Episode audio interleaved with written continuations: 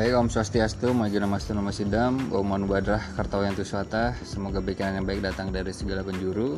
Semoga kalian selalu dalam keadaan sehat dan berbahagia.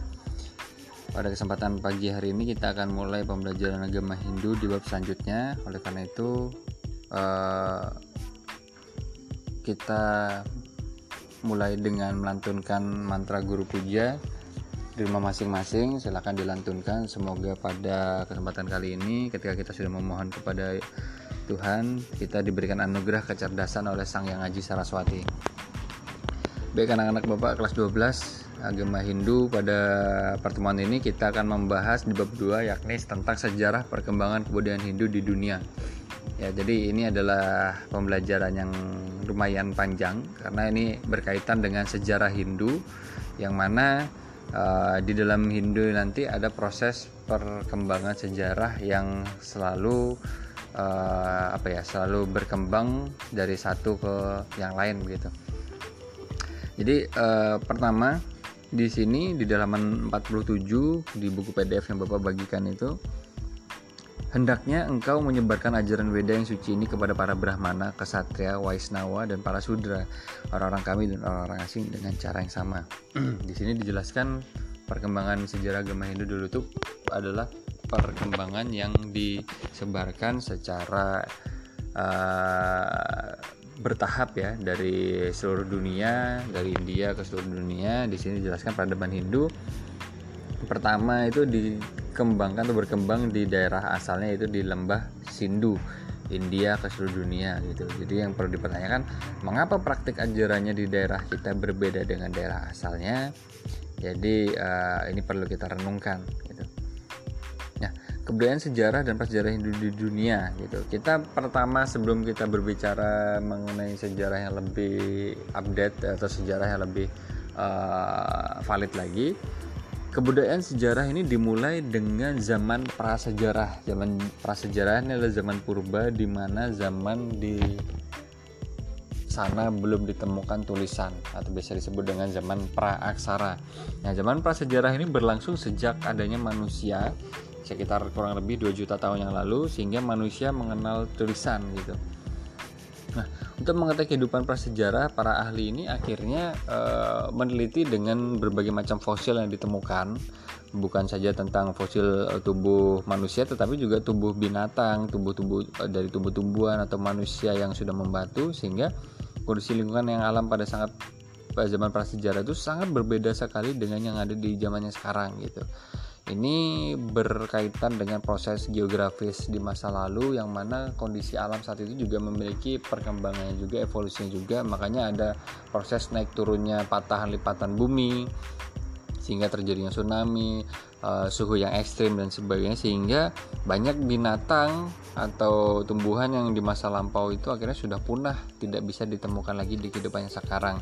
Hanya mungkin beberapa sampelnya saja yang masih didapatkan oleh para peneliti geologi zaman sekarang. Sebagai manusia purba ini yang hidup di zaman prasejarah itu bisa dikelompokkan menjadi tiga macam. Ada manusia sudah ditemukan yang pertama kali ada Meganthropus paleojavanicus yaitu manusia paling purba. Lalu yang kedua ada Homo erectus atau Picanthropus, manusia sudah berjalan tegak. Lalu ada Homo sapiens, manusia purba yang sudah mirip manusia sekarang. Nah, ketiga kelompok manusia ini memiliki masa perkembangannya dan proses sosial yang berbeda. Karena zaman dulu manusia itu uh, nomaden, berpindah dari satu tempat ke tempat yang lain, saling berganti-gantian hidupnya untuk bisa menemukan tempat yang memiliki bahan makanan yang banyak gitu. Nah, jadi uh, ketika kita membicarakan tentang manusia purba, Uh, ini adalah teori dari Charles Darwin ya, ada teori evolusi yang ditemukan pada tahun 89. Di sini disampaikan bahwa dibilang atau dikatakan bahwa cikal bakal manusia itu adalah dari uh, manusia atau makhluk uh, Australopithecus. Jadi di sini dijelaskan kalau misalnya terkenal dari teori Charles Darwin ini adalah fosil manusia ini ditemukan mirip sebagai seekor kera di masa lalu karena memang rangkanya memiliki wujud yang mirip dengan seekor kera yang memiliki kebungkukan, memiliki parasnya yang yang hampir 85% mirip kera begitu.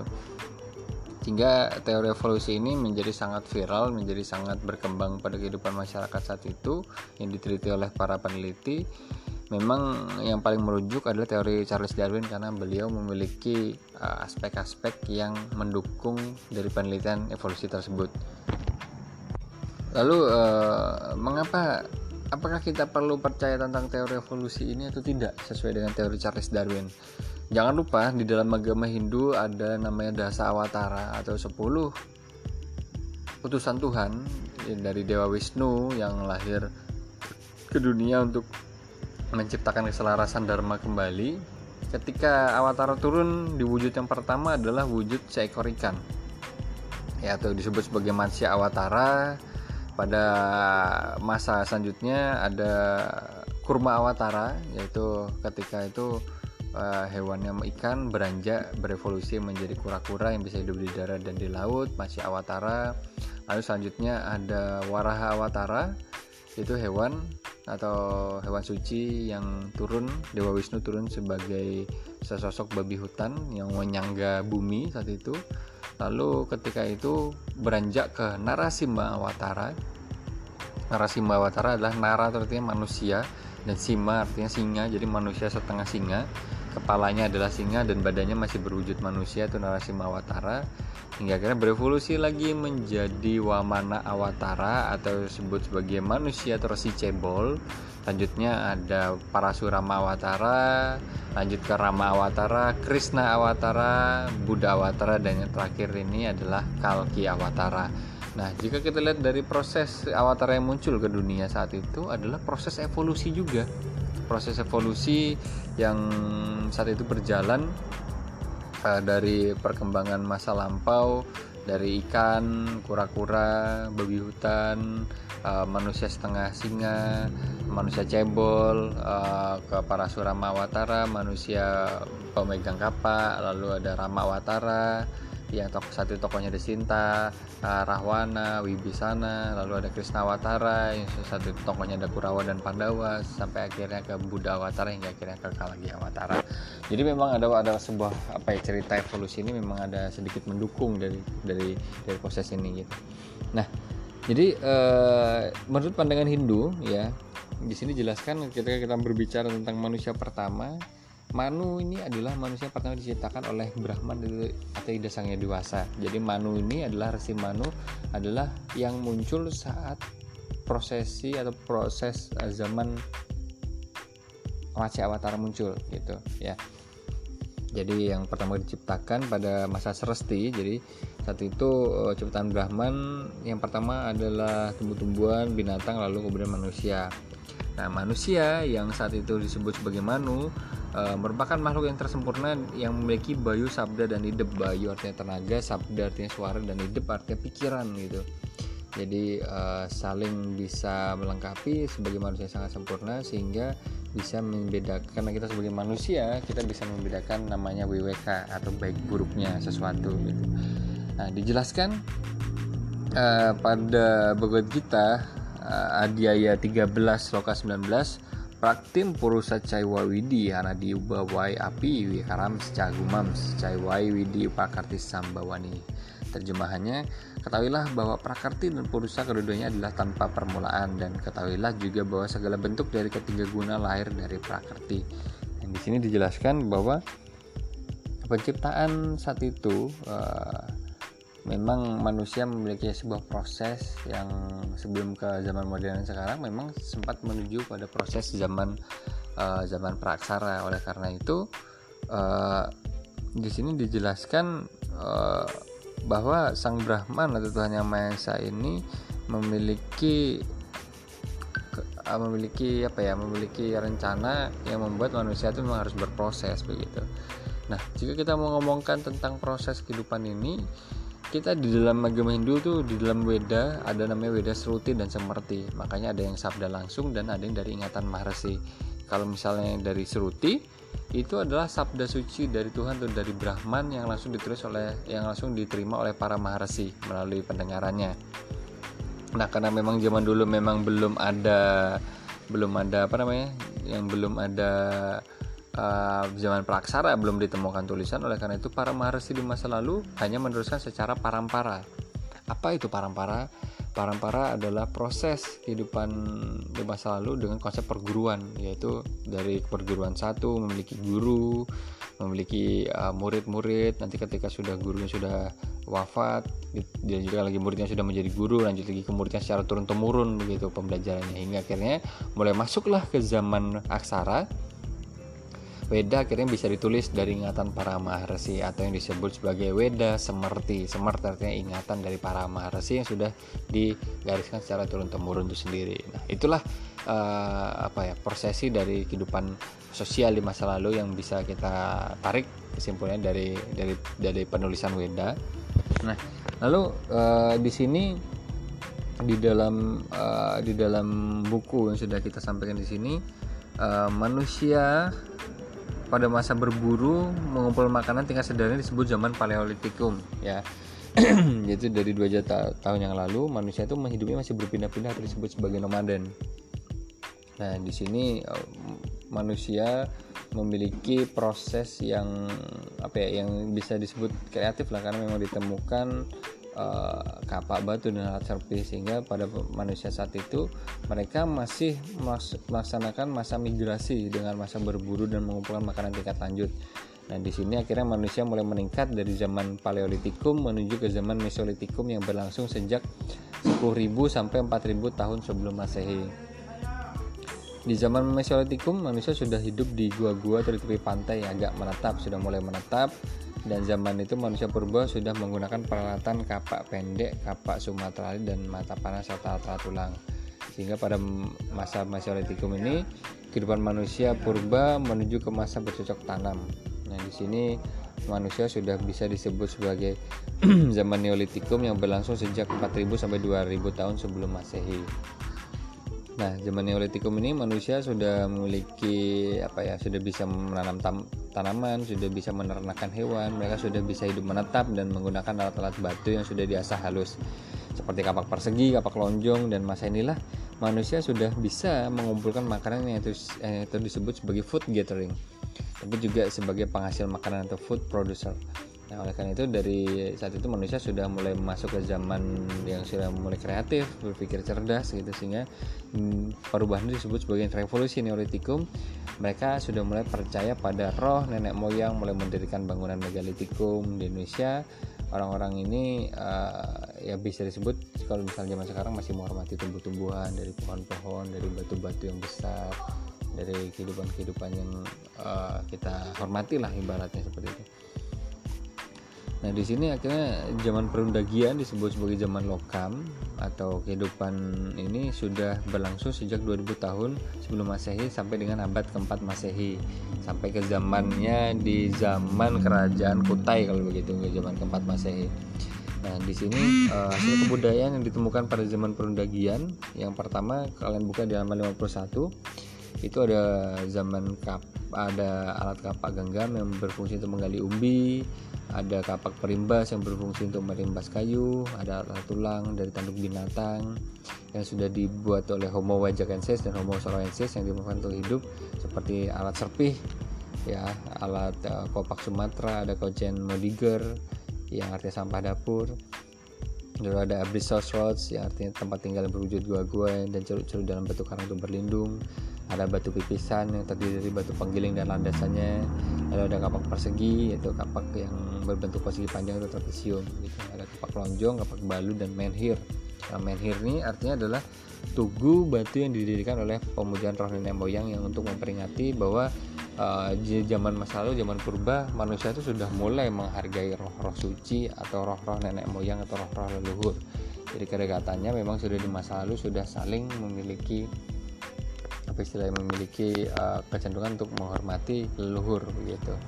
Nah, uh, jadi uh, untuk kita um, silahkan kalian simak materi yang ini, silahkan kalian rangkum dari zaman prasejarah mulai dari zaman batu paleolitikum zaman batu madya mesolitikum zaman batu baru neolitikum dan sampai zaman logam sampai zaman batu besar megalitikum itu kalian uh, kalian rangkum kalian catat poin-poin pentingnya.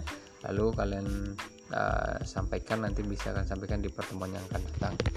Jadi anak-anak cukup pertemuan kita cukup sampai di sini dulu. Jika mungkin ada hal-hal yang kurang jelas atau kurang dimengerti bisa kalian sampaikan secara langsung via Japri atau tanyakan via grup WA nah, cukup sampai di sini. Kita tutup dengan salam para Santi Om Santi Santi Santi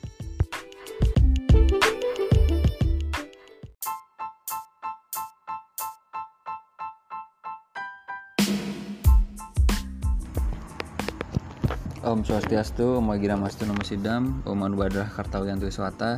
Semoga pikiran yang baik datang dari segala penjuru. Jumpa kita pada pertemuan pembelajaran agama Hindu di kelas 11 pada pagi hari ini, tanggal berapa sekarang? Tanggal 11 Oktober 2021. Semoga kalian dalam keadaan sehat dan berbahagia, bebas dari penyakit apa pun. Sebelum kita mulai pembelajaran, mari kita awali dengan melantunkan doa kepada Sang Yang Aji Saraswati atau kepada Tuhan Yang Maha Esa dengan melantunkan mantra guru puja. Silahkan kalian melantunkan sesuai diri kalian masing-masing di rumah masing-masing. Lantunkan dengan penuh hikmat, dengan lantunkan dengan penuh kesadaran. Semoga dalam lantunan kesadaran itu kita mendapatkan anugerah kecerdasan dari Sang Yang Aji Saraswati. Baik anak-anak, pada pertemuan kita yang selanjutnya kita di pertemuan yang sebelumnya kita sudah membahas mengenai materi yoga. Yoga asanas di dalam susastra agama Hindu. Nah sekarang ketika di pembelajaran masa lalu kita sudah mempelajari yoga di dalam kehidupan sehari-hari entah secara secara fisik dan batinnya mulai dari uh, praktek fisik surya namaskar Eh, pranayama dan lain-lain dari asanas dan sebagainya meditasi dan sebagainya kita akan lanjutkan di pertemuan yatsnya dalam Mahabharata. Ya silahkan buka buku paket kalian atau buka buku PDF kalian. Kita buka masuk ke dalam bab 2 di sana ketika kalian masuk ke dalam bab 2 kalau misalnya di buku PDF itu di halaman 61 di sana ada ada penggalan seloka dari kitab Bhagavad Gita ayat 3.10 dijelaskan Sahaya Yatsma Pratsna Sastva Purwasa Prajapati. Anena Prasawidiam Esa Suitasta Madu ya terjemahannya. Pada zaman dahulu Sang Prajapati atau Tuhan Yang Maha Esa sebutan Tuhan di masa lalu menciptakan manusia dengan yatsnya dan bersabda beliau bersabda dengan ini engkau akan mengembang dan akan menjadi kamaduk dari keinginanmu ya di sana digambarkan uh, dalam sloka ini Tuhan menciptakan kita manusia alam beserta isinya dengan sebuah yatsnya. Jadi bahkan Tuhan pun melakukan pengorbanan suci untuk menciptakan alam semesta beserta isinya yang termasuk kita sebagai buana alit yang ada di dalam alam semesta ini dengan yatsnya juga begitu. Nah, Tuhan akhirnya menitipkan yatsnya ini kepada umat manusia sehingga ketika manusia melaksanakan yatsnya bisa menjadi kamaduk dari keinginannya sendiri kamanduk kama itu artinya adalah keinginan ya duk itu artinya mungkin sebuah kesucian gitu. Jadi keinginan kita harus berlandaskan dengan ajaran sastra Hindu sehingga kita bisa mengembangkan diri sebagai umat manusia berdasarkan ajaran Trihita Karana apa Trihita Karana kalau misalnya masih ingat? Trihita Karana adalah parahyangan pawongan dan palemahan. Parahyangan adalah ketika kita bisa melaksanakan keharmonisan antara manusia dengan Tuhan Yang Maha Esa dewa beserta segala manifestasinya lalu ada pawongan yaitu kita menciptakan keselarasan antara manusia dengan manusia dan yang terakhir eh, keselarasan antara manusia dengan makhluk dimensi bawah atau bisa kita simboliskan dengan alam semesta atau lingkungan di sekitar kita gitu. Jadi keinginan kita harus berlandaskan dengan keselarasan kita sebagai umat manusia. Kita tidak boleh melaksanakan keinginan di luar batas-batas diri kita sendiri gitu bahkan eh, tokoh agama Hindu yang berada di India namanya Mahatma Gandhi beliau pernah menyampaikan tentang kebutuhan dan keinginan Nah, jika kita melaksanakan kebutuhan, kita akan menjadi umat manusia yang sesuai dengan standar kapasitas hidup kita masing-masing. Tapi kalau kita selalu menyandarkan diri pada sebuah keinginan, bahkan ketika ketiga alam ini kita serahkan kepada manusia, manusia masih tidak pernah merasa cukup karena manusia itu dasarnya selalu rakus dengan keinginannya. Nah, oleh karena itu, Tuhan menciptakanlah sebuah konsep atau diterima oleh Maharshi dengan konsep yatsnya. Yatsnya itu apa? Yatsnya ini kalau di dalam bahasa Sanskerta artinya adalah dari akar kata yuts yang artinya memuja, mempersembahkan atau mengkorbankan. Nah, jadi kalau misalnya kita berikan konsep yang lebih rinci lagi atau lebih utuh lagi, yasnya itu adalah korban suci yang tulus ikhlas tanpa pamrih, ya.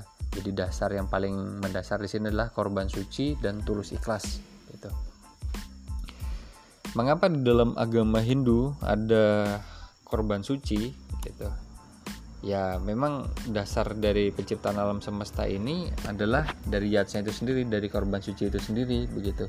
Dengan adanya korban suci ini manusia sampai sekarang masih bisa eksis alam semesta sampai sekarang masih bisa eksis begitu. Karena pengorbanan ini perlu selalu kita lakukan atau perlu kita laksanakan dengan tujuan agar kita menciptakan keselarasan antara manusia dengan manusia, manusia dengan Tuhan dan manusia dengan alam gitu kalau di dalam uh, kalian sebagai uh, siswa yang berasal dari suku Bali otomatis yatsa ini bukanlah sesuatu yang asing bagi kalian. Karena dari kalian di dalam kandungan pun kalian sudah selalu dilaksanakan yatsnya begitu ya. Mulai dari uh, upacara ketika dalam kandungan mulai dari tiga bulan, tujuh bulan, sembilan bulan kelahiran kalian sampai nanti kalian sudah menginjak dewasa ini potong gigi dan sebagainya kalian tidak pernah lepas dari nama yatsnya. Itu adalah warisan dari leluhur kita yang telah diwariskan secara tradisi secara adat turun temurun begitu.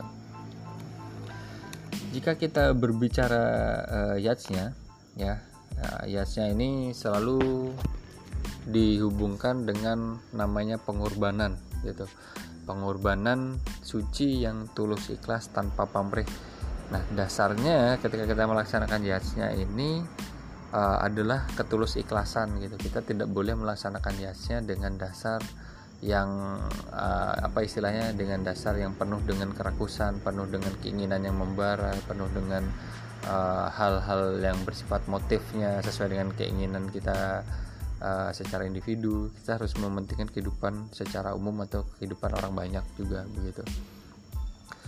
Nah, kalau kita berbicara tentang yatsnya, sebenarnya konsep yatsnya ini tidak pernah lepas dari yang namanya upakara, ya.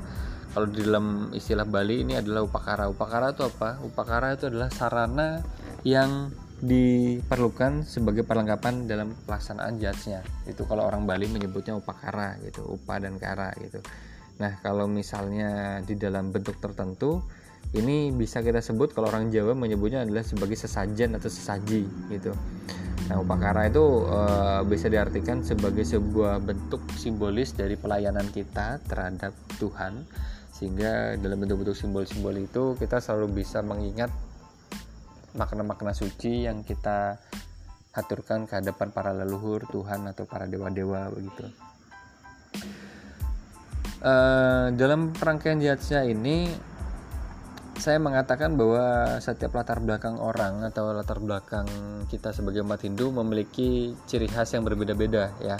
Kalau misalnya kita tahu sendiri di dalam kalian hidup di kota baru, ya di kota baru di daerah Kelumpang Hilir sana di daerah Blok C, Blok D, Blok B itu rata-rata mayoritasnya adalah mayoritas masyarakat Hindu Bali. Nah, jadi apa pun yang kalian lihat, upakara yang kalian kalian lihat itu semuanya lebih kepada ciri khas yang orang Balinya gitu. Nah, bahkan di orang Bali pun kalau di dalam konsep upakara antara daerah satu dan daerah lain memiliki ciri khas yang berbeda juga gitu, memiliki simbol yang berbeda juga.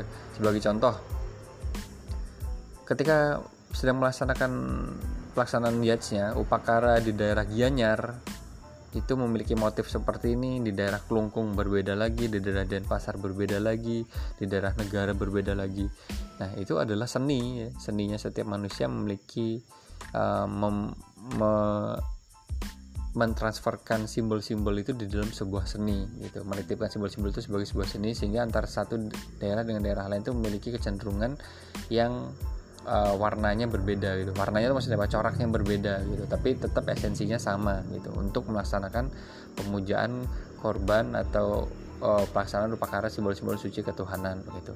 Nah, kalau misalnya kalian berkunjung kepada masyarakat orang Jawa, upakaranya berbeda juga, konsep kelapa daksinanya berbeda, konsep penciptaan dalam pelaksanaan yatsanya itu berbeda. Kalau misalnya kalian ke Hindu Dayaknya itu juga memiliki konsep upakaranya juga berbeda juga gitu. Tapi intinya tetap sama, intinya adalah untuk melaksanakan penghormatan, melaksanakan korban suci ke hadapan Tuhan Yang Maha Esa, para leluhur dan para dewa begitu jadi jangan sampai kita uh, lebih banyak berkutat kepada kulit luarnya atau simbol tetapi kita harus melihat dari esensi yang ada di dalam upakara itu sendiri gitu. Nah, uh, dalam pelaksanaan yatsnya ini, upakara yatsnya ini uh, menjadi sebuah ciri khas kita sebagai umat Hindu gitu. Karena di setiap agama yang ada di Indonesia ini siapakah yang melaksanakan jihadnya ya hanya umat Hindu di selain umat Hindu tidak ada pelaksanaan jihadnya seperti ini gitu. Kita sebagai umat Hindu melaksanakan jihadnya selalu menghormati alam beserta isinya. Kita mengambil sarana-sarana pun dari alam dari tumbuh-tumbuhan dari hewan dan sebagainya. Oleh karena itu kalau kita tidak menciptakan keselarasan hubungan yang baik antara manusia antar uh, lingkungan kita akan bisa menghancurkan lingkungan itu sendiri. Karena kita masih uh, hubungan kita secara spiritual secara agama secara masyarakat secara alam semesta masih saling menghargai ya yatsa ini menjadi sebuah uh, hal yang eksis dan menjadi sebuah hal yang terus berkembang di dalam uh, kehidupan beragama kita. Uh, di dalam agama Hindu Eh, di dalam kitab sastranya ada lima jenis yatsnya yang dijelaskan di dalam kitab sucinya ada dewa yatsnya ada rasi yatsnya fitra yatsnya manusia yatsnya dan buta yatsnya ya di sana dijelaskan yang pertama dewa yatsnya ini berasal kata dewa atau pemujaan atau penghormatan suci atau korban suci yang kita haturkan kepada para dewa atau Tuhan yang Maha Esa Nah, ketika kita mengaturkan ini, eh, bagaimanakah bentuk yang paling ideal ketika kita menjadi seorang siswa? Yaitu dengan cara melaksanakan puja trisandia dengan melaksanakan sembahyang, bisa juga dengan membersihkan tempat suci, pasraman atau membersihkan uh, pura dan sebagainya. Itu adalah bentuk implementasi dari pengamalan dewa yasnya itu sendiri, begitu. Lalu uh, selanjutnya ada rasiasnya. Rasiasnya ini adalah korban suci yang tulus ikhlas yang ditujukan kepada para resi atau orang-orang suci begitu. Nah, ini dilaksanakan karena para resi ini di masa lalu sudah sangat berjasa sekali untuk menerima sabda suci dari Tuhan Yang Maha Esa atau dari Sang Yang Widi dari wujud kitab suci Weda, Seruti dan Semerti gitu. Sehingga secara turun temurun beliau para maharesi ini mendapatkan peran yang sangat penting dalam kehidupan bermasyarakat karena beliau adalah tuntunan yang selalu menuntun kita ke jalan dharma sehingga kita wajib dan perlu untuk mengaturkan niatnya suci ini kepada para resi. Gitu. Para resi ini uh, adalah orang yang disucikan oleh masyarakat.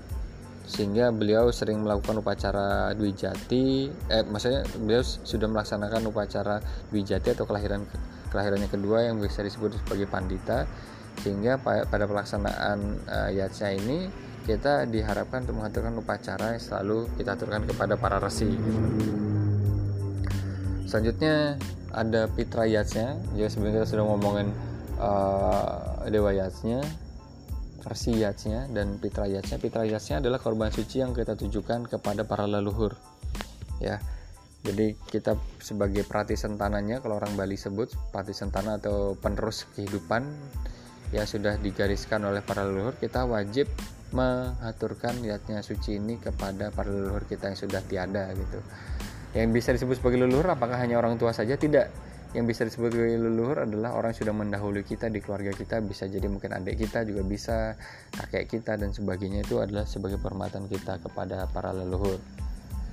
Nah uh, dalam menjaga ini kalian sebagai umat Hindu yang ada di Bali sudah kalian laksanakan secara ritusnya setiap hari ya. Kalian karena kalau kalau misalnya di dalam Hindu Bali kalian memiliki namanya merajan dan di merajannya itu ada uh, pelinggih yang memang ditujukan untuk penghormatan kalian kepada leluhur. Makanya konsepnya ada konsep ngaben konsep ini dan sebagainya itu adalah untuk membentuk kualitas leluhur kalian agar disucikan agar selalu didekatkan oleh desa yang dewasa sehingga leluhur selalu mendampingi kalian selalu memberikan berkat kepada kalian sehingga kalian hidup di alam semesta ini menjadi selaras selalu ingat dengan kehidupan ingat dengan leluhur sehingga kalian menjadi jadi uh, manusia yang tidak pernah lupa akan masa lalunya. Lahirnya dari mana latar belakangnya dari mana ciri khasnya dari mana itu adalah dari campur tangan leluhur juga.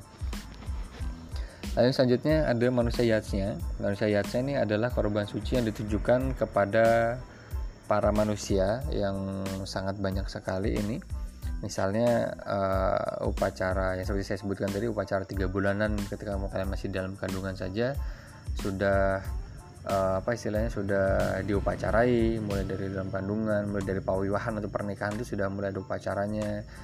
Ketika kalian sudah lahir ada upacara ke, kepus pusar lepas pusar dan sebagainya itu sudah sampai kalian dewasa potong gigi dan sebagainya ini akan terus berlanjut ya upacara manusiaatnya tujuannya apa? Ya untuk meningkatkan kualitas diri kalian sebagai manusia.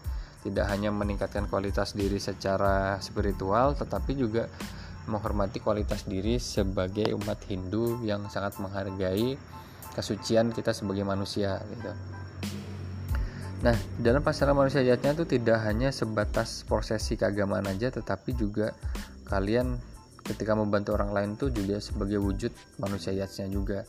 Ya manusia yatsnya ini uh, ritualnya tidak hanya berbentuk ritual tetapi juga dalam bentuk praktek gitu ya. Contohnya adalah ketika kalian membantu orang melaksanakan uh, misalnya ada orang yang terkena musibah misalnya di kemarin di Kalsel ada musibah banjir kalian membantu sudah termasuk pelaksanaan manusia yatsnya lalu membantu orang tua membantu orang tua kalian di rumah pelaksanaan manusia yatsnya melaksanakan uh, menjenguk teman kalian yang sakit itu ada pelaksanaan manusianya juga melakukan bakti sosial uh, memberikan tempat duduk kepada orang tua ibu hamil anak-anak ketika ke dalam kendaraan umum itu adalah sebagai bentuk uh, manusianya juga pelaksanaan manusianya jadi bentuk implementasinya tidak hanya sebatas ritual tidak hanya sebatas upacara tetapi juga dalam wujud praktik yang kehidupan sosial dalam kehidupan masyarakat kalian sehari-hari begitu. Lalu yang selanjutnya ada pelaksanaan upacara butayatsnya. Butayatsnya ini adalah korban suci yang tulus ikhlas yang ditujukan kepada para buta. Nah, kalau di dalam sisi lain buta itu bisa disebut sebagai hal-hal yang tidak bisa kita lihat secara panca indera, mungkin sebagai makhluk-makhluk yang di, berada di dimensi sebelah yang selalu kita hormati juga. Tetapi di sisi lain kita juga uh, sebagai bentuk penghormatan kita terhadap alam semesta atau lingkungan jadi kita kalian menghargai tumbuh-tumbuhan menghargai lingkungan itu sebagai bentuk implementasi dari butayatsnya juga. Nah jadi uh, di dalam pasangan upacara butayatsnya ini itu kalau di dalam umat Hindu yang ada di Bali ada pelaksanaan masegeh gitu ya. Jadi kalian setiap hari setelah selesai memasak kalian sedikit menghanturkan makanan kalian untuk uh, para buta semoga tidak mengganggu kalian dalam kehidupan sehari-hari menghanturkan di depan rumah sebagai bentuk implementasi dari uh, keseimbangan panca mahabuta dari Pertiwi Teja Bayu apa Hakasa begitu. Lalu yang kalau di Bali ada upacara Tawuragung, ada Macaru, ada Pancawali Kerama dan banyak yang lain. Ya, anak-anak mungkin cukup sampai di sini uh, pemaparan dari materi yatsnya. Jadi ini pemaparan yatsnya secara umum dari panca yatsianya, dari uh, dari prosesi secara ritus uh, pelaksanaan dari manusia yasnya, buta yasnya, dewa yasnya, rasi yasnya dan pitra yasnya. Dan nanti kita akan mulai masuk pada sastra Mahabharatanya di pertemuan yang akan datang. Jadi untuk pertemuan yang sekarang silahkan kalian simak materi yang ada di buku kalian sekaligus mendengarkan audio ini dan tugas kalian selanjutnya kerjakan pertanyaan tiga pertanyaan itu aja sudah cukup yang ada di halaman 70 atau di halaman yang ada di buku PDF itu di halaman 70 itu silahkan dikerjakan. Jika ada pertanyaan terkait pada materi ini yang mungkin kurang jelas atau kurang dimengerti silahkan ditanyakan melalui japri bapak via WA atau via WA group. Bisa kita akhiri pertemuan kita pada pagi hari ini dengan menutup salam para masanti Om Santi Santi Santi Om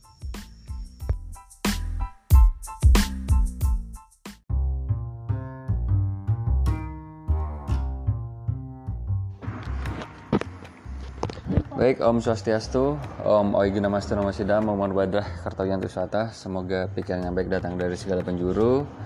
Mari kita awali pembelajaran pada pagi hari ini dengan melantunkan doa guru puja. Silahkan lantunkan masing-masing di rumah sebelum mulai pembelajaran. Semoga pada pembelajaran kali ini kita direstui dan diberikan berkat oleh Sang Yang Haji Saraswati sebagai Dewi Ilmu Pengetahuan. Baik anak-anak, uh, jumpa kita pada pembelajaran yang selanjutnya. kita setelah kemarin belajar uh, materi di bab Dharma Sastra, pada pembelajaran kali ini kita akan masuk ke pada materi Punarbawa di bab kedua ya.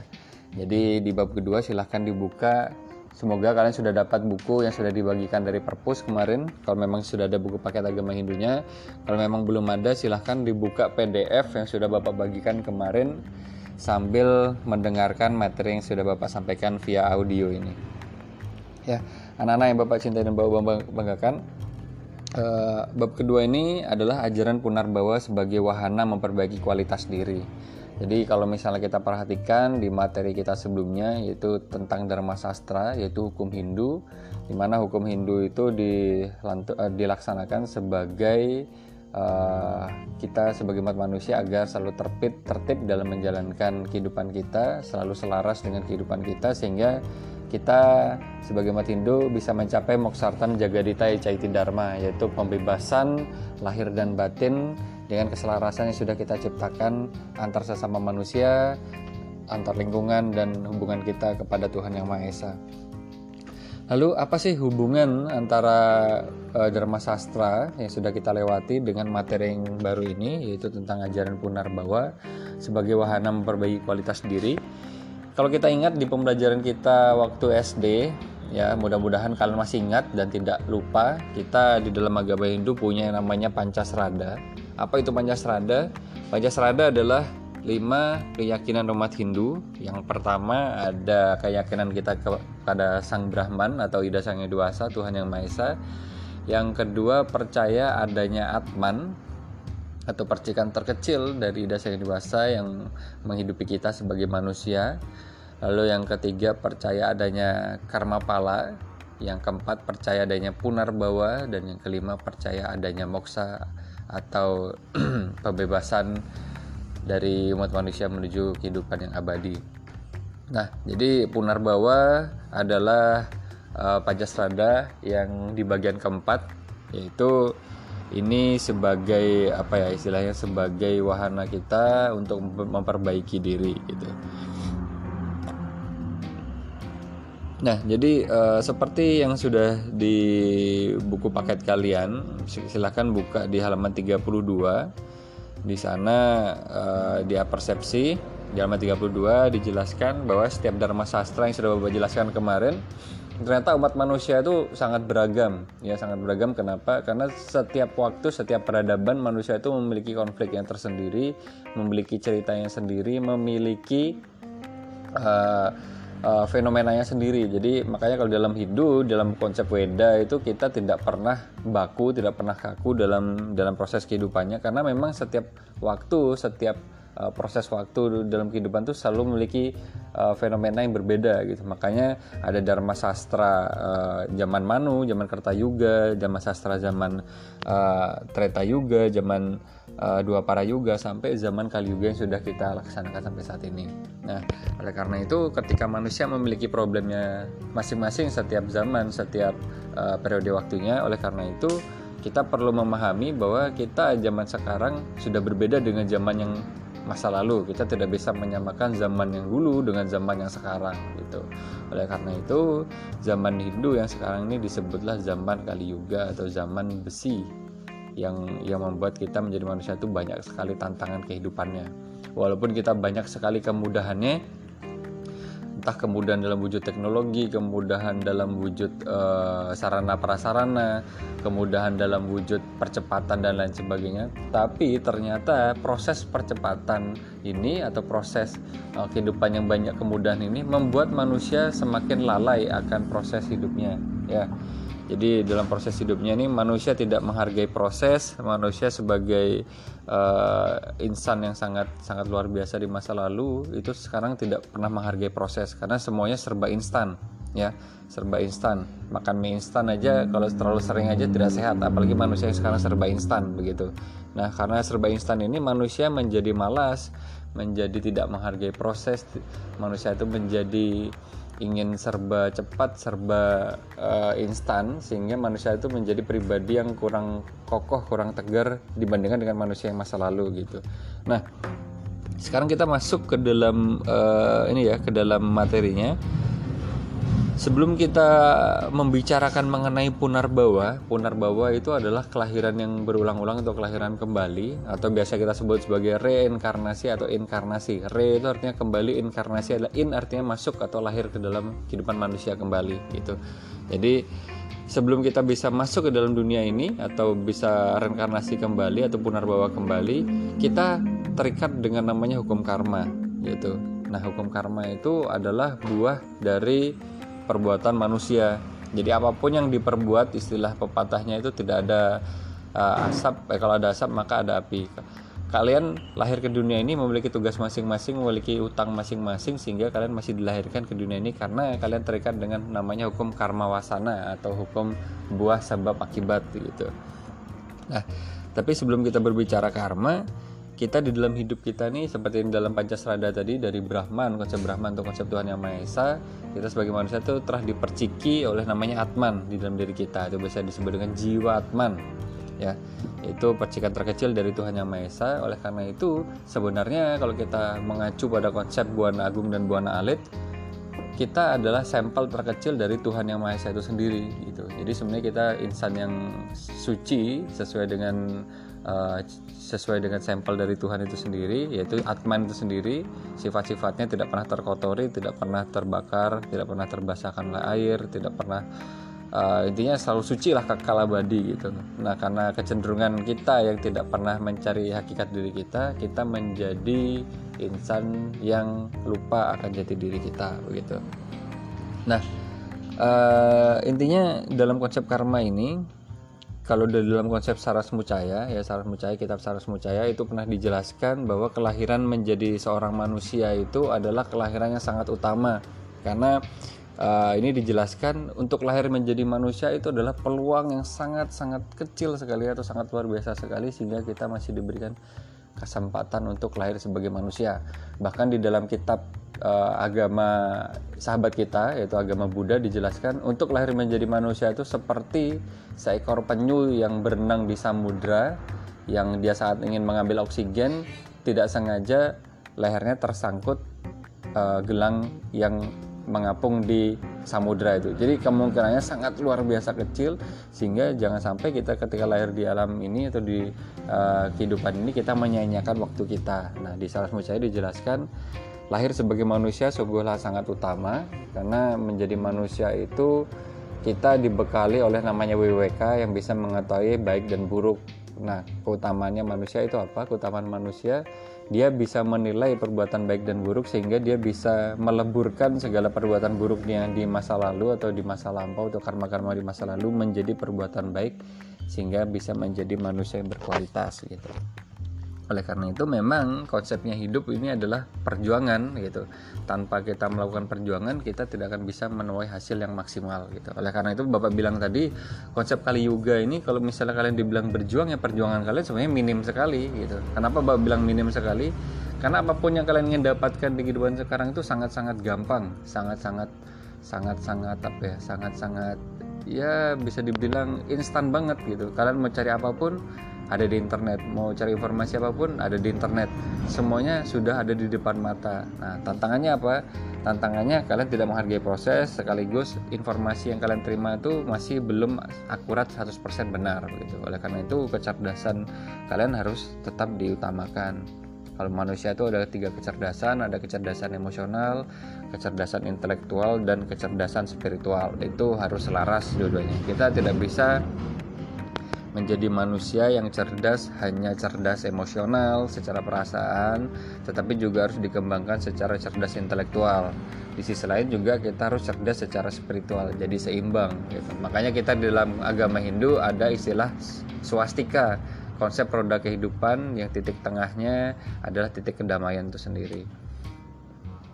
Nah uh, silahkan sekarang buka di halaman 33 di sana ada pengertian tentang punar bawa ya jadi punar bawa itu berasal dari bahasa Sanskerta yang artinya punar bawa terbentuk dari dua kata. Yang pertama adalah punar dan kata selanjutnya adalah bawa. Punar itu artinya lagi atau kembali dan bawa itu artinya menjelma gitu jadi arti dari punar bawa ini artinya kelahiran yang berulang-ulang ke dunia yang disebabkan oleh karma wasana kalian dari kehidupan sebelumnya.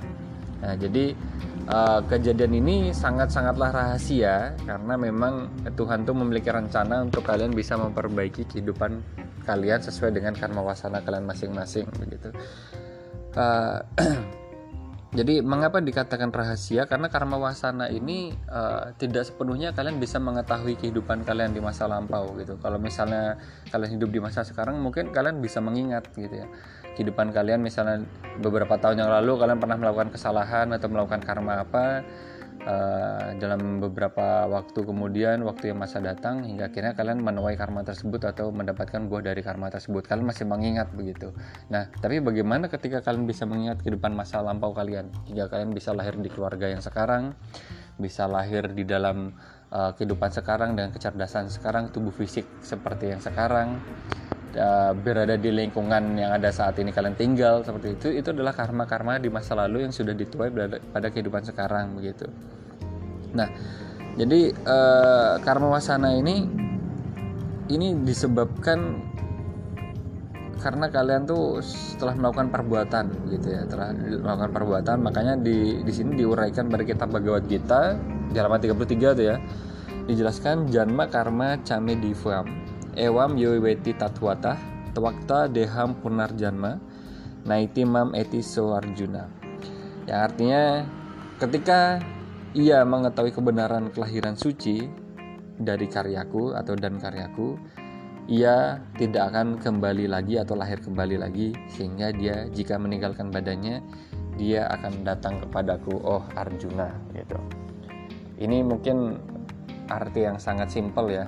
Ketika kalian sudah mengetahui hakikat diri kalian, di mana kalian berasal, asal kalian ke mana, tujuan kalian hidup ke mana, Hastungkara kalau misalkan tahu tugas kalian masing-masing melaksanakan kehidupan kalian dengan dengan luar biasa dengan peran hidup masing-masing ya Hastungkara kalian bisa mencapai moksa gitu.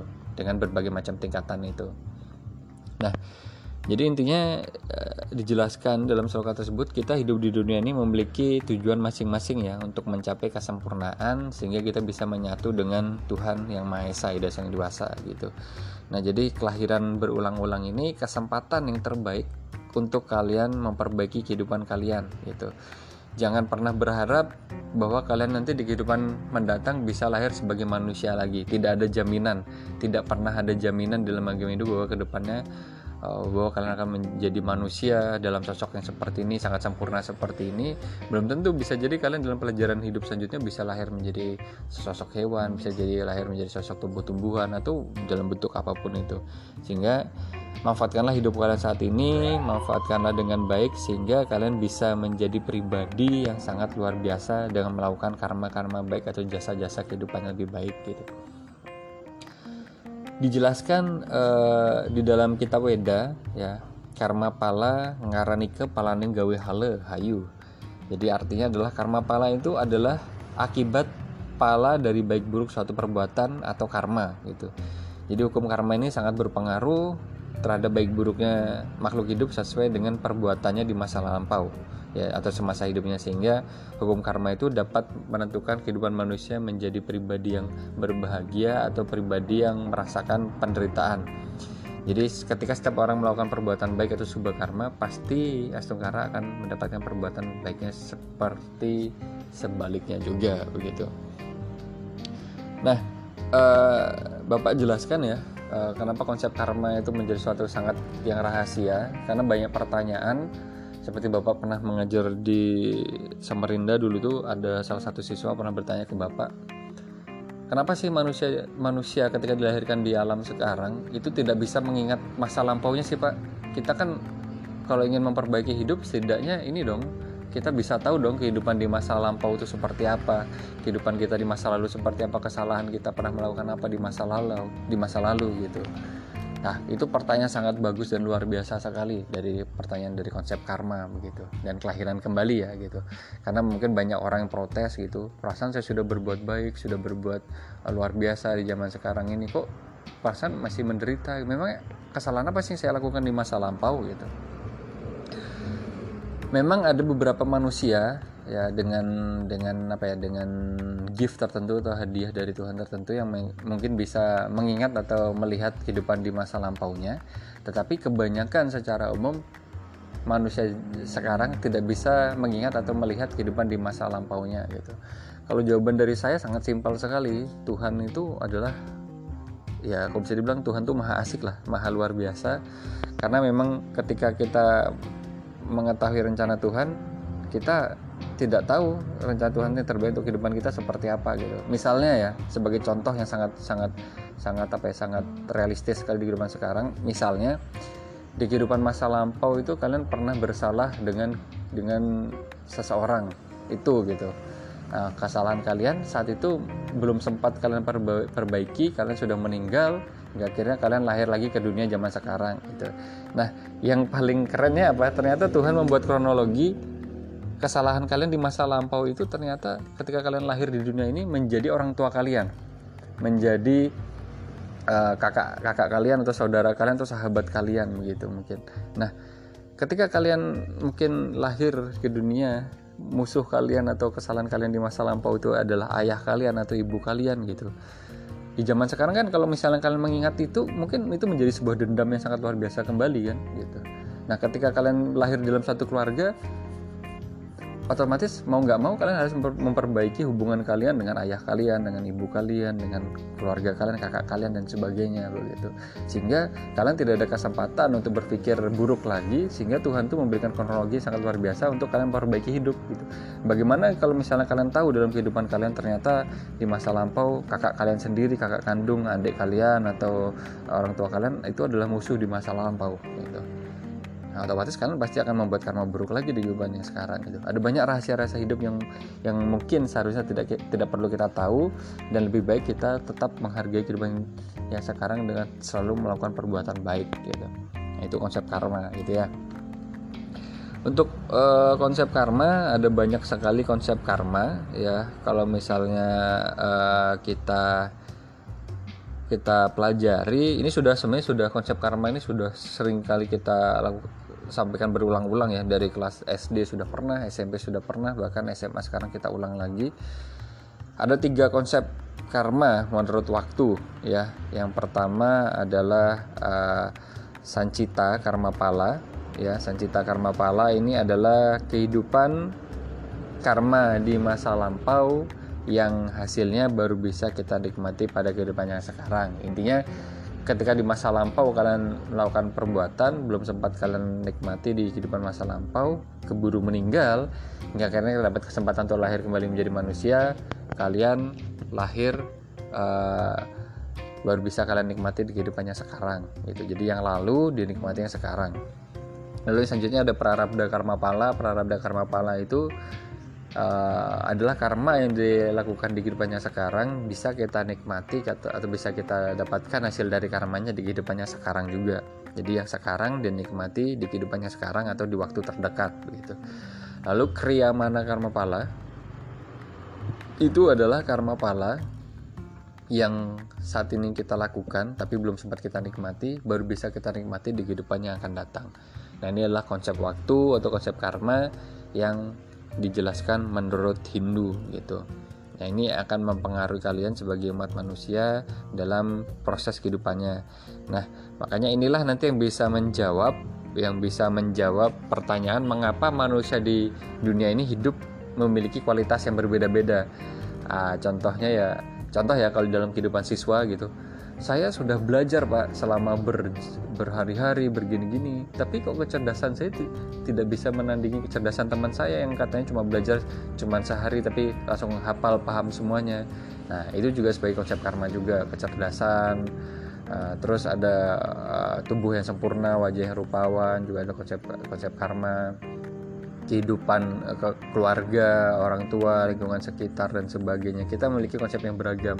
Oleh karena itu, inilah konsep yang paling sempurna, konsep yang paling realistis atau kalau bisa dipikir secara logika karena kita akhirnya tidak bisa protes gitu maksudnya kita mau protes apa itu memang hasilnya sudah kita dapatkan di kehidupan sekarang hasilnya sudah kita dapatkan di zamannya sekarang sehingga kita bisa mendapatkan hasil di kehidupan saat ini saat detik ini nah eh, anak-anak uh, uh, jadi uh, konsep karma pala ini adalah konsep sebagai kalian hidup itu menentukan konsep kalian lahir kembali atau punar bawah itu sendiri. Nah gitu.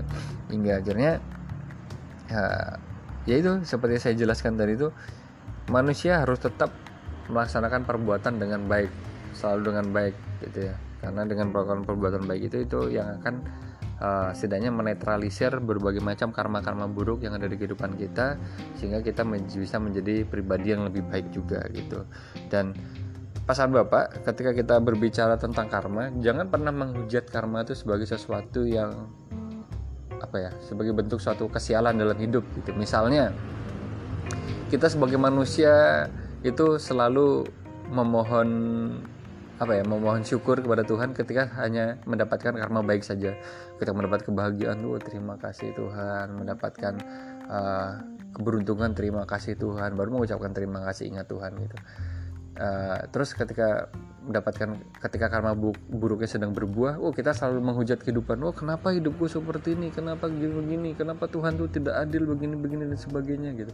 Wow gitu. Padahal itu adalah buah karma yang memang harus kita nikmati, untuk kita pelajari, untuk kita renungkan gitu. Apakah kita memang ada sesuatu yang perlu kita perbaiki dari kehidupan kita gitu. Itu adalah terkadang karma buruk itu menjadi sebuah refleksi ya, sebagai sebuah apa ya sebagai sebuah uh, momen untuk introspeksi diri gitu.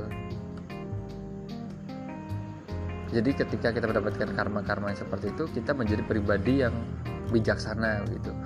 Oh misalnya saya uang saya hilang gitu ataupun sebagainya. Oh mungkin saya perlu bekerja keras lebih giat lagi atau saya perlu mengikhlaskan memang mungkin bukan hak saya ataupun sebagainya. Ataupun ketika kalian harusnya mendapatkan di dalam kehidupan kalian. Karena adanya karma akhirnya kita tidak dapat kesempatan untuk mendapatkan itu. Syukuri saja selalu syukuri selalu berterima kasih kepada Tuhan. Selalu mohon petunjuk yang lebih baik lagi untuk menjadikan pribadi yang lebih baik lagi. Dengan begitu kita bisa membijaksanai ya, karma kita di kehidupan sekarang untuk menjadi pribadi yang lebih baik begitu. Punar bawah kelahiran yang berulang-ulang. Kita dalam hidup kalau ngomongin punar bawah nggak nggak mesti kalian lahir di masa lampau lahir sekali di kehidupannya sekarang. Tidak punar bawah itu kalau di kehidupan zaman sekarang ketika kalian di, di saat sekarang pernah melakukan kesalahan kalian harus lahir menjadi pribadi yang lebih baik lagi. Selalu lahir selalu lahir selalu lahir. Selalu berproses selalu menjelma gitu. Dan ini pun uh, kalau di dalam konsep Ramayana ada sebuah sindirannya sangat luar biasa gitu ya. Kalau dalam Ramayana kalau kalian tahu tokoh Hanuman tokoh Hanuman adalah sesosok uh, makhluk suci atau sesosok kera yang ternyata perilakunya lebih kudus atau lebih suci dibandingkan manusia gitu. Karena memang beliau uh, Dewa Hanuman itu walaupun dia bersosok sebagai seekor kera atau berwujud hewan tapi sikapnya dia selalu menjelma menjadi nilai-nilai kebajikan di umat manusia begitu. Karena arti dari arti kata lain dari Hanuman atau uh, nama lain beliau itu berasal dari kata Sanskerta artinya anuman. Atau anuman itu artinya menjelma selalu menjelma atau selalu berproses untuk menuju kehidupan yang lebih baik. Itu artinya gitu. Nah jadi uh, jadi untuk pertemuan kita yang sekarang lebih lebih membahas yang seperti itu. Ini sebenarnya konsepnya sangat panjang sekali ya sangat panjang sekali sangat luar biasa sekali uh, jadi untuk yang sekarang bapak harapkan kalian simak baik-baik simak dengan dengan materi dengan dengan bijak dengan apa ya dengan dengan menyimak dengan luar biasa serius begitu. Jika ada pertanyaan atau hal-hal yang kurang dipahami bisa langsung ditanyakan lewat japri atau lewat grup sehingga nanti bisa bapak jawab dengan baik begitu Ya, jadi uh, cukup sampai di situ materi kita pada pertemuan kita kali ini. Jadi uh, untuk pertemuan yang mendatang, Bapak harapkan kalian bisa memiliki pertanyaan yang mungkin bisa disampaikan ke Bapak terkait materi punarbawa dan karma ini. Dan untuk tugas uh, yang sekarang, Bapak minta kalian yang memiliki kalian nih sekarang kan hidup sebagai seorang manusia, sudah memiliki identitas masing-masing, sudah memiliki identitas sebagai atas nama Komang, Ketut, Indra, uh, Gede, uh, dan uh, dan lain-lain. Sekarang kalian analisis diri kalian sendiri, analisis perhatikan diri kalian, perhatikan lingkungan hidup kalian, perhatikan diri kalian, karma-karma kalian gitu. Sekarang analisislah apa yang membuat kalian yang sekarang itu masih merasa memiliki hal-hal yang negatif gitu di dalam diri kalian. Mungkin ada rasa marah, rasa malas, rasa bodoh dan sebagainya dan sebagainya. Introspeksi dengan baik. Introspeksi dengan baik. Uh, pikirkan baik-baik analisis itu lalu tuliskan di dalam kertas kalian positif kalian apa di dalam diri kalian negatif kalian apa gitu. Lalu tulis bagaimana cara kalian memperbaiki kehidupan kalian ketika kalian sudah memiliki hal-hal yang sudah kalian tulis tadi itu misalnya saya positifnya oh misalnya saya sebagai gede indra gitu misalnya oh positif saya tuh seperti ini seperti ini seperti ini gitu. Oh ternyata di balik positifnya saya ini saya memiliki hal-hal yang negatif juga oh seperti ini seperti ini seperti ini. Ketika kalian sudah tahu positif dan negatif dari, dari diri kalian sekarang tulislah cara untuk memperbaiki itu agar kalian bisa menjadi pribadi yang lebih baik lagi gitu. Nah mungkin cukup untuk itu saja. Terima kasih atas penyimakan materi ini. Semoga kalian selalu dalam keadaan sehat dan berbahagia. Bapak tutup pembelajaran pada kesempatan kali ini dengan mengucap salam Paramasanti. Om Santi Santi Santi. Om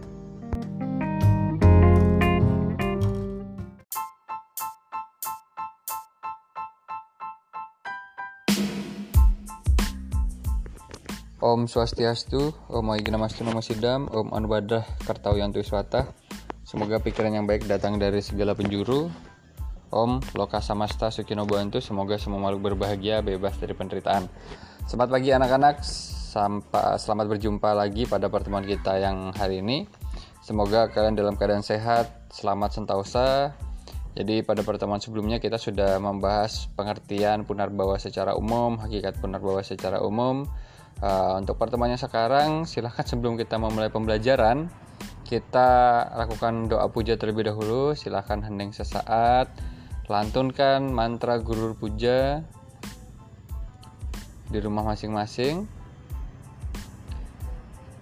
Jika sudah melantunkan, silahkan berikan penghormatan kepada para guru, guru suci di alam semesta, para guru uh, yang berwujud niskala dari para dewa, para guru dalam wujud orang tua, catur guru, uh, kepada guru yang ada di sekolah. Semoga kita mendapatkan penganugerahan dari uh, Sang Yang Saraswati. Semoga kecerdasan selalu mengalir pada pikiran kita.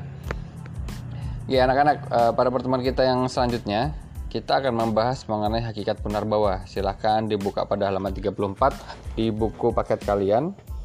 Jadi seperti yang saya jelaskan pada pertemuan yang lalu, sebenarnya kita sebagai umat manusia ini hidup di dalam uh, dunia atau di dalam buana agung ini sebenarnya tidaklah abadi.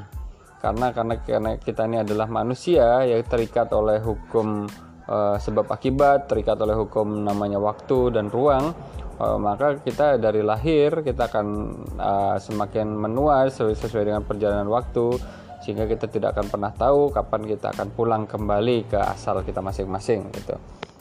Nah jadi e, karena memang prosesinya hidup nih seperti kilatan petir, mengapa saya sebut sebagai kilatan petir? Hanya sangat singkat, seolah-olah ini kita hidup tuh sebagai seorang yang sangat lama, puluhan tahun ataupun sebagainya, tidak ada sebuah jaminan itu di, di dalam dunia. Oleh karena itu hidup kita sangat singkat, Uh, oleh karena itu pergunakanlah waktu yang kita miliki untuk melakukan hal-hal yang baik dengan cara berpikir, berkata, dan berperilaku yang baik dan benar seperti dengan ajaran Trihita Karana. Ya, mana cika, wacika, dan kayika. Mana cika artinya mana artinya berpikir. Lalu ada wacika yang berasal dari arti kata Sanskerta yang berarti berkata yang baik. Lalu kayika artinya berbuat yang baik. Jadi ini sinergi kita tidak perlu muluk-muluk harus melakukan ajaran yang tinggi dan sebagainya. Yang penting dasarnya adalah dari Trikaya Parisuda eh mohon maaf dari Trikaya Parisuda bukan Trita karena Trikaya Parisuda yaitu kita harus mengamalkan pikiran perkataan dan perbuatan yang baik. Kita harus saling sinergi dan selaras nah karena apa pun yang dialami oleh manusia itu sebenarnya saya sampai saat ini kalian merasakan suka, duka, lara dan pati itu pun karena dari akumulasi karma-karma kalian dari uh, dari apa ya dari tabungan-tabungan karma kalian di kehidupan masa lalu ditambah lagi dengan kehidupan yang masa kini dan kehidupan yang akan datang nanti. Jadi akumulasi karma atau tabungan-tabungan karma itu akan berbuah ketika pada saatnya harus berbuah gitu terkadang uh, kalau ingin kita menjadi legowo secara bijaksana kita harus menyadari bahwa secara langsung atau tidak langsung hidup kita ini sebenarnya sudah banyak dibantu oleh Tuhan di desa dewasa para leluhur dan sebagainya. Karena proses karma ini sebenarnya adalah untuk memurnikan kita. Untuk memurnikan untuk me menyadarkan kita bahwa hidup ini memanglah tidaklah panjang waktunya. Kita hidup ini hanya sementara maka pergunakanlah waktu dengan baik. Perbaiki kualitas hidup diri dengan baik agar kita sebagai umat manusia menjadi pribadi yang sangat luar biasa bermanfaat bagi sekitarnya ya. Sabda hana caraka ada di sang suara sunyata. Jadi ibaratnya kita sebagai uh, umat Hindu lahir dari uh, kesucian yang telah diupacarai di berbagai macam ritus adat agama dan sebagainya harapannya adalah untuk memperbaiki kualitas diri gitu. Nah oleh karena itu di dalam Hindu ada ajaran yang disebut dengan ajaran reinkarnasi atau punarbawa atau lahir kembali ke dunia. Jika di agama tetangga kita tidak mengenal itu maka di agama Hindu kita diberikan kesempatan di dalam hidup untuk bisa lahir kembali untuk memperbaiki kehidupan gitu. Itu adalah salah satu hal yang sangat indah sekali diberikan oleh Tuhan. Oleh karena itu, berikanlah hal yang terbaik untuk kehidupan kalian sebagai umat manusia. Nah, sekarang sekarang buka di halaman 35. Jadi uh, hubungannya secara rasional umat Hindu itu sangat percaya ya dengan adanya punarbawa karena ini pun ada di luar batas kemampuan pikiran manusia itu Punarbawa akhirnya masuk ke dalam Pancasrada dan adalah sesuatu yang harus kita yakini sebagai umat Hindu gitu. Karena ini pun diuraikan dalam kitab Bhagavad Gita di ayat 7 sloka 28 di sana dijelaskan semua makhluk lahir di, di, di lahir itu dalam keadaan tertipu. Ya oh Barata disebabkan oleh kedua sifat yang timbul dari keinginan dan kemarahan. Oh penakluk musuh. Lalu ada lagi sloka 7 eh tadi ada adiaya 7 adiaya 7 sloka 27 sekarang ada adiaya 7 sloka 28 akan tetapi bagi mereka yang salah yang dosa sudah bebas dari ketipuan kuda sifat tadi menyembah aku dengan penuh ketekunan dan keyakinan begitu. Nah, jadi berdasarkan sloka tersebut dijelaskan bahwa terdapat dua sifat yaitu keinginan dan kemarahan. Kita lahir tuh selalu dipenuhi oleh keinginan dan sifat dasar seorang manusia adalah ketika keinginan kita tidak tercapai kita selalu merasa kecewa marah dan tidak menghargai mengenai makna yang terkandung di dalamnya gitu. Jadi kita selalu ingin uh, apa ya menuruti apa sih keinginan kita gitu. Kita tidak pernah tahu makna bahwa keinginan itu tidak harus semuanya terpenuhi begitu Nah, keinginan kemarahan inilah yang menjadi penyebab kelahiran kalian itu kembali lagi. Nah, jika kalian bisa mengendalikan keinginan dan kemarahan kalian menjadi sesuatu hal yang uh, baik, maka kualitas diri kalian akan semakin meningkat. Nah, oleh karena itu uh, di sini dijelaskan uh, manusia itu memiliki lima lapis badan yang dapat diketahui dalam upaya meningkatkan kualitas dirinya yang disebut dengan panca maya kosa. Ya panca maya kosa adalah lima lapisan badan dari manusia gitu. Ada lima bagian, ada anamaya, pranamaya, manomaya, wijenamaya, dan anandamaya kosa. Jika kalian lihat di sana halaman 35 dan 36 akan ada uh, apa ya? Akan ada gambaran secara sekilas, ada karikatur di sana di sana terlihat seorang manusia yang sedang duduk bermeditasi dengan berbagai macam lapisan yang ditunjukkan oleh anak panah yang terdapat dalam gambar ilustrasi tersebut. Nah, Anamaya Kosa yang pertama. Anamaya Kosa ini adalah tubuh manusia, lapis tubuh manusia yang uh, terbuat dari makanan dan minuman. Nah, jadi apa sih Pak maksudnya kenapa tubuh kita ini terbuat dari makanan dan minuman? Ya, lapis tubuh manusia itu selalu dipengaruhi oleh makanan dan minuman yang kita konsumsi sehari-hari. Kita pernah belajar namanya Buana Agung dan Buana Alit. Jika kita uh, tahu Buana Agung, sebenarnya Buana Agung itu adalah ada di dalam diri kita juga. Makanya kita sebut sebagai Buana Alit atau jagat kecil gitu. Jagat ada jagat agung dan jagat alit gitu. Jagat alitnya ada tubuh manusia kita sendiri. Jadi apa pun kesadaran eh, apa pun makanan yang kita makan itu akan membentuk sebagai lapisan yang ada di dalam diri kita gitu. Sebagai contoh, Kenapa umat Hindu selalu menyarankan ketika kita melakukan penyembelihan hewan untuk kita konsumsi atau untuk kita upacarai, selalu kita doakan makhluk tersebut agar mencapai pembebasan atau mendapatkan tempat yang uh, tempat yang uh, baik di, di kehidupan selanjutnya gitu. Karena hewan ini adalah uh, adalah salah satu makhluk ciptaan Tuhan juga dan di mana hewan pun juga memiliki emosi dan kesadaran ya. Memiliki emosi dan kesadaran. Oleh karena itu jika kita tidak pernah mengembangkan rasa welas asih juga terhadap para hewan hewan yang ingin kita konsumsi pun memiliki kesadaran dan emosi yang terekam di dalam tubuhnya juga gitu. Oleh karena itu uh, misalnya kita makan hewan yang tidak kita maknai dengan baik penyembelihannya atau seperti apa itu akan menimbulkan rasa takut ya rasa takut, rasa cemas, rasa, cemas, rasa sedih. Oleh karena itu emosi-emosi dari para makanan yang kita makan tuh jadi ikut ke dalam diri kita gitu. Karena apa? Ternyata pengorbanan mereka itu akhirnya masuk ke dalam tubuh manusia dan kita pun berkarma atas pengorbanan yang mereka lakukan. Maksudnya seperti apa, Pak?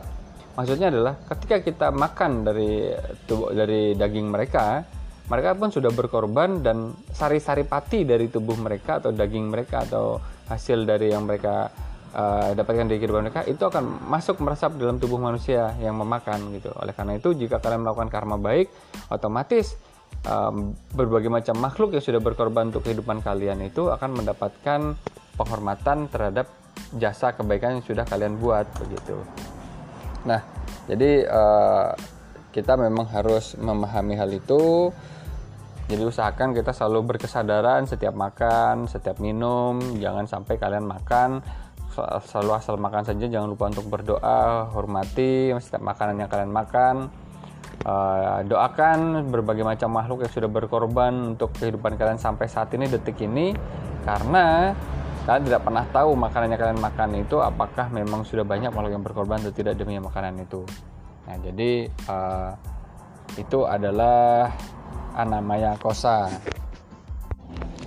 Selanjutnya yang kedua ada Pranamaya Kosa. Pranamaya Kosa itu adalah lapisan tubuh yang terbuat dari prana atau energi. Nah, seperti saya sampaikan tadi, makanan yang kita makan itu akan mendapatkan uh, akan kita rekam atau rekaman dari makanan yang kita makan itu menjadi energi untuk tubuh kita juga. Oleh karena itu jika kalian memakan hewan yang eh, memiliki emosi yang terakhir adalah ketakutan, cemas dan uh, rasa apa ya rasa sakit itu akan juga masuk ke dalam tubuh manusia juga emosi-emosi itu. Makanya kita selalu harus mendoakan mereka dengan cara yang baik, dengan cara yang uh, istilahnya dengan cara yang ya bijaksana lah gitu. Jangan sampai pengorbanan mereka menjadi sia-sia demi kepuasan kita sebagai umat manusia untuk menyenangkan perut kita saja gitu. Jadi makanan ini atau minuman itu yang kalian makan akan membentuk energi pada tubuh kalian masing-masing gitu. Lalu selanjutnya ada manomaya kosa yang manomaya kosa itu adalah lapisan tubuh yang terbuat dari alam pikiran. Jadi kita pernah mendengar dari berbagai macam motivator ya dijelaskan di sana bahwa pikiran manusia itu betul-betul sangat luar biasa hebatnya. Saking hebatnya bisa disebut sebagai magnet energi untuk kita sebagai manusia menjalani kehidupan gitu. Jika kita selalu menarik diri di dalam pikirannya negatif, selalu pada pikiran yang down, tidak percaya tidak percaya diri dan sebagainya, maka tubuh kita pun juga akan merespon seperti itu. Nah, jika kita kita di dalam hidup pikiran kita selalu positif, selalu memberikan motivasi yang tinggi terhadap hidup, selalu berusaha dengan baik, selalu berpikiran dengan baik, maka kita akan mendapatkan pengaruh yang sangat baik juga dan luar biasa di dalam kehidupan kita juga begitu. Nah, oleh karena itu selalu berpikiranlah yang luar biasa baik dengan penuh motivasi yang baik agar hidup kalian juga memiliki kualitas yang baik juga. Sama seperti misalnya kalau orang selalu depresi, selalu uh, down, selalu tidak percaya diri dengan kehidupan, saking dia tidak memberikan celah untuk pikiran positif, dia akan merasa hidupnya tidak berarti lagi begitu. Hingga bisa yang paling parah sih biasanya sampai bunuh diri seperti itu. Nah, selanjutnya ada Wijna Maya Kosa. Wijna Maya Kosa ini adalah lapisan badannya terbuat dari pengetahuan, ya. Jadi pembelajaran atau pengetahuan yang kalian dapatkan, yang kalian dapatkan ini akan menjadi bentuk yang sangat luar biasa dalam kehidupan kalian. Jika kalian dipenuhi oleh klesa atau hambatan batin, yang pertama itu adalah uh, ada istilahnya jenana ya. Jadi kalau misalnya kalian tidak terpenuhi oleh jenana kalian disebut sebagai awidya atau kegelapan gitu. Hidup kalian akan selalu dipenuhi kegelapan kekotoran batin eh, hal-hal uh, yang ber, uh, pikirannya buruk kata-kata yang buruk itu akan akan menjadi kualitas yang buruk juga bagi kehidupan kalian. Jika kalian dalam pengetahuan kalian selalu berdasarkan secara spiritual yang baik dari para guru menghormati pengetahuan maka hidup kalian pun akan diberkati juga. Karena jika kalian menghormati sang pengetahuan dari sang yang Saraswati otomatis daya penciptaan di dalam diri kalian akan menjadi sangat baik juga. Lalu selanjutnya ada Ananda Mayakosa. Itu adalah tubuh dari yang terbuat dari rasa kebahagiaan. Yang mana tubuh ini tidak bisa dijelaskan dalam wujud kata-kata. Dan ini memang harus kita jalani, kita maknai dengan sangat baik. Di dalam diri kita ada yang disebut sebagai Atman ia adalah percikan terkecil dari Ida Sang Hyang Widiwasa yang mana Sang Hyang Widiwasa tidak pernah terpengaruhi oleh perasaan-perasaan keduniawian seperti manusia, perasaan senang berlebih, sedih, bahagia, kecewa, marah dan sebagainya tidak ada pengaruh seperti itu. Oleh karena itu, uh, Ananda Kosa ini adalah perasaan yang sangat-sangat luar biasa mendalam bahagia yang tercipta dari kesadaran batin yang sudah ter ter apa istilahnya ter ter, tersatukan dengan kesadaran Atman itu sendiri. Nah, jadi itu adalah pengetahuan tentang Pancamaya Kosa dijelaskan dalam bentuk lapisan-lapisan badan dan ini pun menjadi karma wasana yang menyebabkan kita bisa lahir ke dunia lagi atau kita bisa reinkarnasi ke dunia gitu. Jadi usahakan kelahiran kalian manfaatkan dengan baik, selalu dimaknai dengan baik, dengan bijaksana agar kalian menjadi remaja menjadi seorang siswa ini ya memiliki motivasi yang baik. Tujuan kalian ke depannya nanti untuk apa? Berikanlah target kehidupan yang baik sehingga kalian itu tidak hidup sebagai manusia yang hanya lahir hidup makan tidur e, buang air besar selesai. Tiba-tiba meninggal begitu aja tidak ada makna kehidupan jadi kalian harus memberikan makna kehidupan bagi diri kalian, bagi lingkungan sekitar kalian, agar kita tidak hanya dipersamakan sebagai seekor hewan yang hanya mengikuti instingnya, hanya hanya makan, hidup, berkembang biak, akhirnya selesai, meninggal begitu saja. Ya, berikanlah target yang baik untuk kehidupan kalian. Oke, anak-anak, uh, mungkin cukup sampai di situ pembabaran materi dari Bapak. Jadi silahkan disimak dengan baik. Catat poin-poin penting yang ada di penyampaian Bapak uh, jangan sampai kalian catatannya kosong jangan sampai catatan kalian hanya sebatas kertas putih begitu saja. Karena dengan menulis kalian juga akan mengingat. Karena dengan menulis kalian juga akan mengingat dan rekaman ingatan itu akan masuk ke dalam lapisan tubuh pengetahuan kalian gitu. Ya baik. Cukup sampai di situ. Semoga kalian memahami dengan baik. Jika ada pertanyaan atau atau hal yang ingin ditanyakan silahkan chat bapak atau sampaikan pada bapak di grup WA nya Bapak tutup dengan salam para Santi. Om Santi Santi Santi Om.